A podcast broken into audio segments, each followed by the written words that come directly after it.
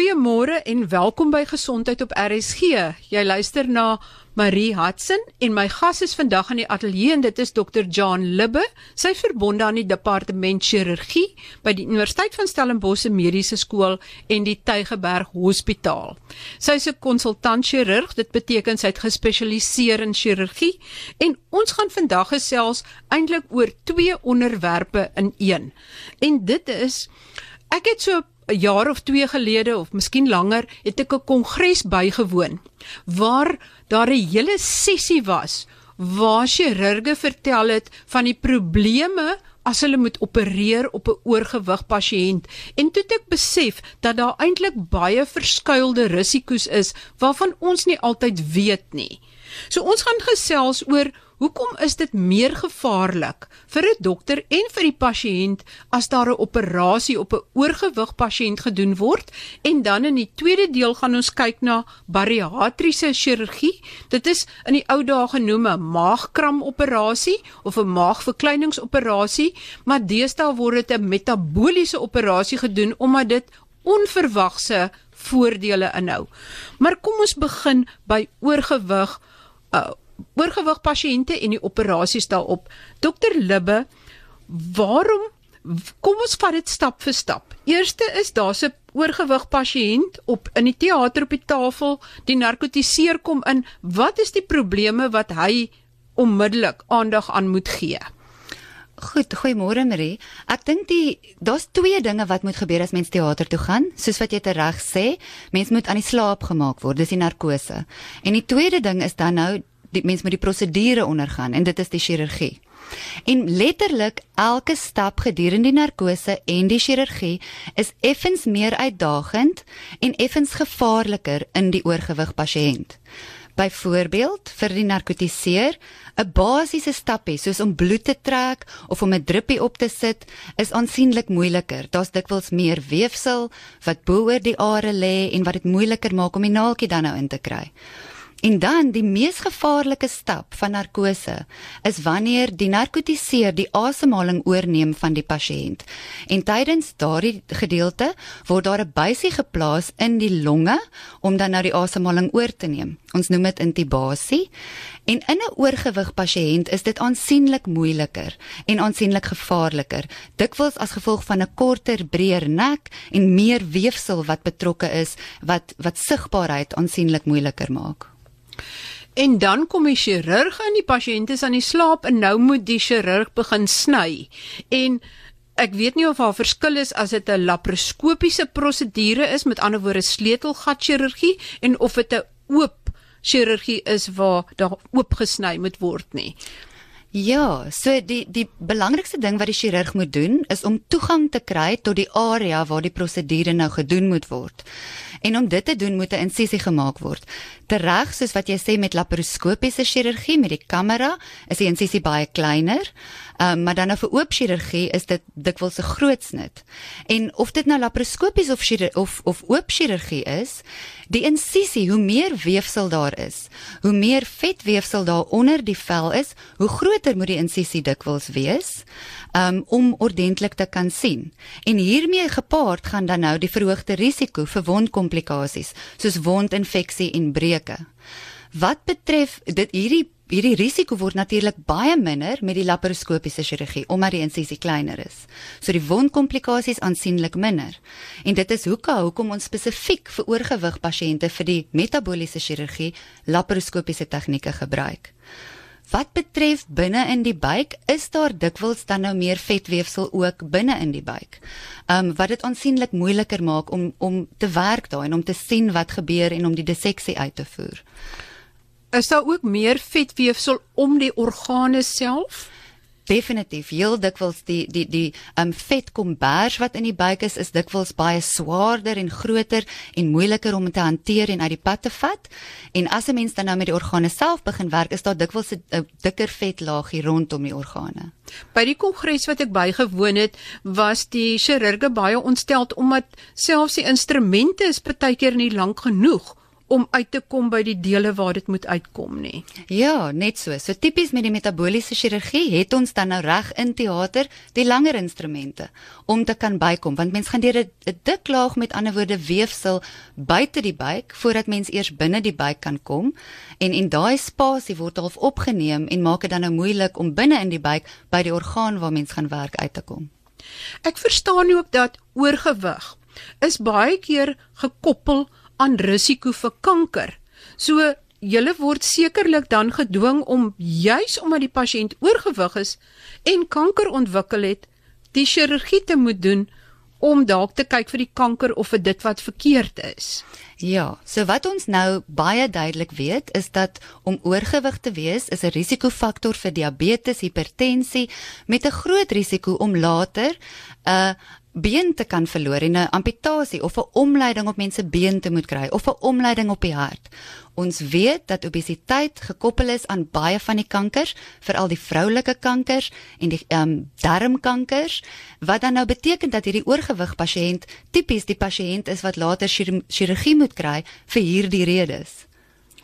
En as mens kyk na tipe 2 diabetes, mense verstaan ook dat baie keer is mense met diabetes of veral tipe 2 diabetes ook juis oorgewig en dan benodig hulle hartoperasies en allerlei operasies as gevolg van die komplikasies van tipe 2 diabetes. Net so. So die die die gevolge van obesiteit gee dikwels oorsaak tot siektetoestande wat spesifiek chirurgies moet behandel word en dit is dan nou in 'n oorgewig pasiënt met die geassosieerde risiko's vir daardie chirurgie.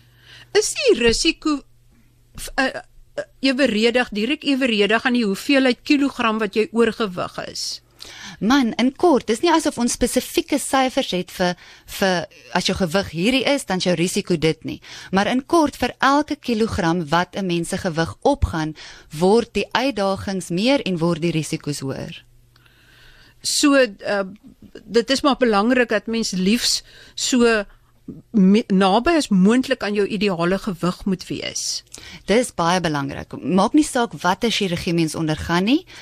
Enige chirurgie het 'n hoë risiko as mens oorgewig is, maar dan veral ook met die metabooliese operasies waarmee ek nou redelik baie werk, is dit definitief die moeite werd om soveel as moontlik gewig voor die operasie te verloor om die dag in teater so veilig as moontlik te maak. Het die oorgewig pasiënt enige risiko's vir die postoperatiewe herstel of is dit maar dieselfde as vir iemand wat van normale gewig is? Nee, so die postoperatiewe risiko is ook hoër. Die algemene komplikasies van chirurgie van enige aard, maar veral op die buik en op die borskas, is maar longontsteking en bloedklonte in die bene. En beide daai komplikasies is verhoog in obese pasiënte. Um veral omdat veral ook met metabooliese chirurgie, een van die beginsels is dat ons 2 ure na die operasie die pasiënt uit die bed uitskop en mens moet aan die gang kom en begin stap. Um en dit is baie keer moeiliker as daar 'n hoër gewig is. So beide daai komplikasies, bloedklonte en longontsteking aansienlik hoër in 'n oorgewig pasiënt.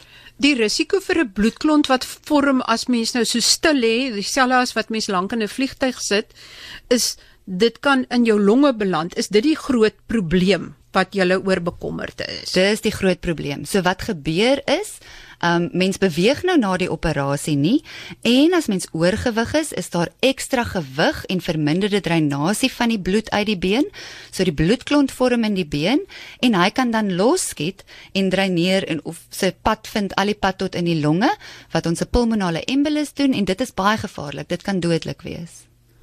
Ja, en baie skielik gebeur soos wat ek verstaan. Kom ons kyk dan ook na bariatriese chirurgie wat nou deesdae metaboliese chirurgie genoem word.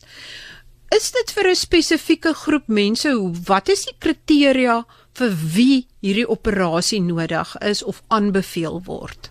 Ja, so daar is internasionaal en met ander woorde ook vir Suid-Afrika baie duidelike riglyne vir wie is geskik vir metabooliese chirurgie. En dit is 'n pasiënt wat 'n liggaamsmassa indeks het van bo 35 met dan 'n 'n gewigsgeassosieerde komorbiede siekte waarvan die algemeenste een dan nou diabetes is of wat 'n liggaamsmassa indeks het van meer as 40 sonder 'n geassosieerde komorbiede siekte. Dis nou glad nie wetenskaplik nie en glad nie akkuraat nie, maar net om dit vir die luisteraar bietjie makliker te maak, eh, die BMI of die liggaamsmassa indeks uh, ek sal dit ook op die webwerf sit van hoe mense dit bereken.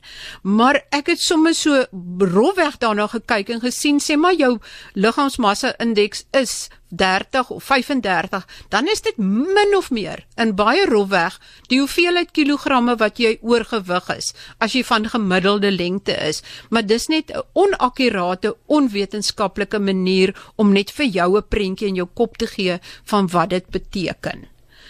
So wat doen julle dan as julle 'n uh, bariatriese chirurgie doen? Is dit moet die een eers 'n ruk lank probeer het om self gewig te verloor, maar nie daarin geslaag het nie? Ja, so vir beide die die liggaamsmassa indeks indikasies is dit baie belangrik dat die pasiënt reeds vir 'n geruime tyd um lewenstyl aanpassing toegepas het. En met lewenstyl aanpassing, um die belangrikste daar is maar dieet en en oefening. En ek sal aanneem dat baie van die pasiënte eintlik al 10 of langer jare al sukkel met 'n hoë gewig of of is dit nie so nie? Ja nee, Marie, dit is eintlik skrikwekkend dat die pasiënte wat by my aankom vir hierdie chirurgie al vir dikwels meer as 10 jaar aktief probeer om gewig te verloor. Ek dink een van die belangrike goed wat ons ook nou weet in die mediese veld is dat dit wat ons het om obesiteit te behandel, naamlik dieet en oefening nie baie suksesvol is nie veral in die langtermyn. Maar hoekom nie? Want ek bedoel die kilojoules in is tog gelyk aan kilojoules uit. Is dit is tog in balans. So is dit dan net net 'n kwessie dat die mense te veel eet of verkeerde goed eet en te min oefening doen nie. Ek bedoel dit klink so eenvoudig. Ek weet dis nie so maklik om dit reg te doen nie.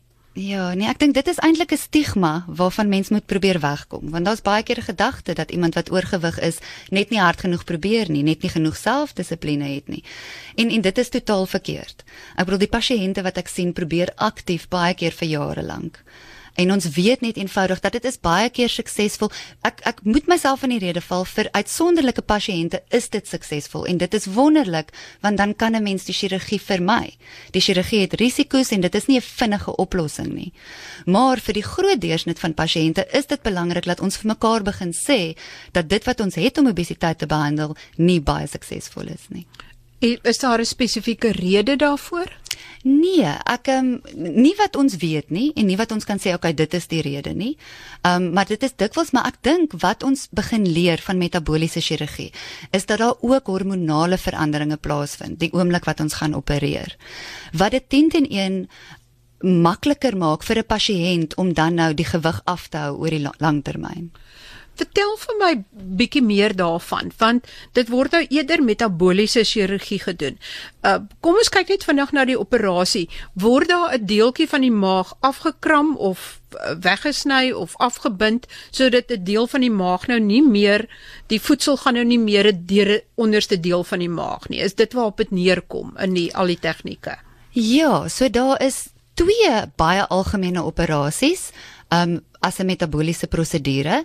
Die een is 'n tipe van 'n gastrektomie. Dis waar ons die grootste gedeelte van die maag um as dit ware verwyder uit die liggaam. En daar's net 'n dun buisie wat dan gaan vanaf die slukpyp na die res van die darm.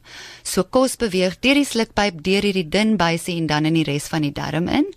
En die ander een is dan nou die omleiding waar tydens um die grootste deel van die maag word afgestapel um of afgekram. Hy word nie verwyder uit die liggaam nie. Hy bly bly daar, maar kos beweeg nie meer deur hom nie. En dan hiermee saam op dieselfde tyd, ehm um, lei ons 'n gedeelte van die dun darm om, so die kos beweeg nie meer deur die hele dun darm nie. Wat beteken dat minder van die kos wat ingeneem word, dan nou geabsorbeer word. En in beide van hierdie operasies, Marie, is daar redelike onmiddellike hormonale veranderinge wat plaasvind. En die die plek waar ons dit absoluut by uitstek die meeste sien is in die diabetes dat dikwels direk na die operasie geen meer antidiabetiese medikasie of insulien nodig is en dat die dat die suiker amper onmiddellik begin normaliseer. Toe ek dit die eerste keer gehoor het, het dit my soos 'n wonderwerk geklink van iemand word in die teater ingestoot, hy's oorgewig en hy kry 'n laparoskopiese prosedure wat nou die maag en die dun darm behels. En dan teen die tyd wat hy uitgestoot word, het hy nie meer diabetes nie of is hy in totale remissie terwyl hy nog steeds net so vet is. Weet dit is dis eintlik verstommend dat so iets kan plaasvind. Het julle so idee is dit hormone wat verander wat onmiddellik verander? Ja, so daar's baie navorsing wat op die oomblik ingaan daarin en ek moet sê ek was ook Ek bedoel dit's een ding om hierdie dinge te lees in 'n joernaal, maar dit is regtig nogal aansienlik as 'n mens dit sien in jou eie pasiënt. Um presies wat dit is, ons dink definitief of ons weet dit is hormonaal gebaseer. Um presies watter hormone en in watter mate die verskillende operasies aanleiding gee tot die hormonale veranderinge, is ons nog besig om om seker te maak van. Um maar dat dit akut is en met ander woorde nie afhanklik is van die hoeveelheid subkutane vet wat teenwoordig is nie, is definitief so. Maar dit kan tog seker nie net voordelig wees nie. Het moet hierdie mense sekere lewenstyl aanpassings maak? Het hulle agterna sekere ensieme nodig of kosse wat hulle nie kan eet nie? Is daar sekere dinge wat mens in ag moet neem wat anderste is as by mense wat nie die operasie ondergaan het nie. Ja, nee, definitief. En ek dink dit is belangrik om te besef dat die proses om deur te gaan vir so 'n operasie 'n langtermynprojek is en definitief langstaande gevolge het, waarvan die heel belangrikste is um, dat daar nutrisionele vitamintekorte en mineraaltekorte kan ontstaan. So baie keer ek sê vir my pasiënte, jy gaan heel moontlik jou antidiabetiese medikasie en antihipertensiewe medikasie kan stop met tyd. Um soos ek sê die diabetes omtrent onmiddellik, maar jy wen definitief vir die langtermyn 'n multivitamiin wat jy vir die res van jou lewe gaan moet neem. Um en veral met die omleiding is dit belangrik om dan in hierdie pasiënte ook hulle hulle vitamien en mineraalvlakke te monitor. Kan dit probleme gee as hulle dit nie korrek gebruik nie? O ja, definitief. En ehm um, veral byvoorbeeld vir 'n vrou wat in menopouse ingaan, op daardie stadium begin osteoporose erger word en um, in 'n pasiënt wat dan nou dalk metabooliese chirurgie ondergaan het wat 'n lae kalsium of Vitamiin D vlak het, kan dit ernstige nagevolge hê en lei tot patologiese frakture. So die mense moet maar daai aanvullings neem soos wat jy dit voorskryf. O, definitief. En mens moet mens moet opgevolg word en mens moet baie mooi na jouself kyk na die tyd. Hoekom het dit nodig geword? Julle is nou een van slegs 2 instansies of hospitale wat ek kon vasstel in die land wat nou vir staatspasiënte wat met ander woorde nie mediese fondse het nie aanbied bariatriese chirurgie of metabooliese chirurgie. Hoekom het dit nodig geword? Is die oorgewig epidemie dan so groot dat daar 'n behoefte, so groot behoefte is daaraan? Ja, ek dink en en en kyk in hierdie opsig is Suid-Afrika effens agter die res van die wêreld. Um, maar ja, ek dink ons het besef obesiteit en diabetes is 'n epidemie. Nommers vir Afrika en Suid-Afrika is nie maklik om te bekom nie, maar die 2013 wêreldwye las van siektes database se nommers vir Suid-Afrika dui aan dat 70% van vroue en 40% van mans in Suid-Afrika oorgewig is. En hierdie is 2013 nommers, so dit dit gaan nie nou minder wees as wat dit toe was nie. En dan die nuutste nommers tot ons beskikking is die Statistiek Suid-Afrika nommers vir 2016 en dit dui aan dat diabetes die grootste oorsaak van dood in die Wes-Kaap is. Sjoe, dit is baie ontstellend. De, uh, weet dat dit op so 'n punt uitkom en dit is hoofsaaklik gekoppel aan oorgewig soos wat ek dit verstaan. Ja, nee, by uitstek. Goed, as jy jy het vir my voordat ons op lig gegaan het 'n interessante voorbeeld genoem van hoe jy besluit, weet, hoe jy kan kyk na 'n pasiënt wat diabetes is, wat oorgewig is en na sy behandeling sonder bariatriese chirurgie of met bariatriese chirurgie. Kan jy vir my daai voorbeeld meer daarvan vertel? Ja, so dit is so amper weet 'n gesondheidstelsel, dit is die keuse waarmee waarvoor mens staan. En as voorbeeld dan nou, kom ons sê ons het 'n pasiënt, jonk, tipe 2 diabetes en oorgewig. En ons kan dan nou aan die een kant kies om hierdie pasiënte behandel met antidiabetiese medikasie, pille of insulieninspuitings. Ons kan aangaan om hulle elke 6 maande jaarliks in die kliniek te sien om te kyk of die suiker gekontroleerd is en indien ons nie goeie beheer van die suiker kry nie, kan ons dan nou op 50 of 60 jarige ouderdom hulle moet behandel vir die hartaanval of vir die beroerte of vir die kanker wat ontwikkel het. Of ons kan dan nou aan die ander kant kies om hierdie pasiënt te behandel met 'n metabooliese chirurgiese operasie wat heel moontlik onmiddellik die diabetes gaan wegvat en gaan nie net beheer kry met ander woorde van die gewig nie, maar ook van die suiker en dan op hierdie manier die langtermyn komplikasies totaal voorkom. En hoe reageer die pasiënte as jy vir hulle hierdie voorstel maak? Die pasiënte wat nou by jou kliniek kom of wat jy sien? Uh, ja, ek moet sê Marie, ek pasiënte in Suid-Afrika of dit nou in privaat is of in ehm um, in die staat moet baie hard beklei vir hierdie chirurgie. Dit is nie algemeen beskikbaar nie. So ek is in 'n posisie waar die meeste van die pasiënte wat by my aankom al redelik weet vir jare lank dat hulle gewig 'n probleem is en al redelik lank iets daaraan probeer doen en al redelike agtergrond het oor die chirurgie. Ehm um, maar maar dit is amper die heel belangrikste boodskap wat wat moet uitgaan en ek dink wat mense moet verstaan. Obesiteit is 'n siekteproses. Dit het baie goed gedefinieerde korttermyn en langtermyn komplikasies en en dat dit iets is wat ons moet erken en aktief behandel. Ja, want dit is amper soos diabetes wil ek amper op dieselfde skaal sit dat jou glikose vlakke op en af gaan of wat jou wat jy oorgewig is is nie per se die probleem nie. Dit is al die komplikasies wat volg as gevolg van daai glikose vlakke wat nie korrek is nie en van die te veel vet wat jy dra aan jou liggaam. Die komplikasies die oë die niere die hart en en al daardie gevolge soos jy gesê die kanker. As jy vinnige boodskap het in 'n neutedop vir iemand wat erg oorgewig is en wat graag wil gewig verloor en ek praat nou nie van die bariatriese chirurgie nie. Wat sal jou boodskap wees? Is dit belangrik dat die een moet probeer om gewig te verloor? Ja, ek dink die belangrike ding is om te besef dat om oorgewig te wees nie sonder implikasies is nie dat daar risiko's is en dat dit ja aan die een kant die langtermyn komplikasies is. En dit is maar die van verdunning van die bloedare en hartaanvalle en beroertes. Maar aan die ander kant dat ook vir alledaagse lewe, byvoorbeeld 'n vrou wat 'n keisersnit moet ondergaan wat oorgewig is, dat dit ook implikasies het met ander woorde vir onmiddellike chirurgie vir ander redes. En dat vir beide daai redes dit 'n baie goeie rede is met ander woorde om te besef dat die gewig 'n probleem is en om iets daaraan te probeer doen. En dan in 'n neutedop 'n boodskap oor bariatriese metabooliese chirurgie? Ja, ek dink dit is belangrik om te besef dat dit nie 'n maklike vinnige oplossing is nie. Dit is tog ook belangrik om te weet dat dit daar is. Dit is beskikbaar vir ons staatspasiënte. Ehm um, en en en dat 'n mens, ek dink as mens daaraan begin dink, die eerste ding is om te begin om dan aktief te begin werk aan die gewig met die eet en met oefening.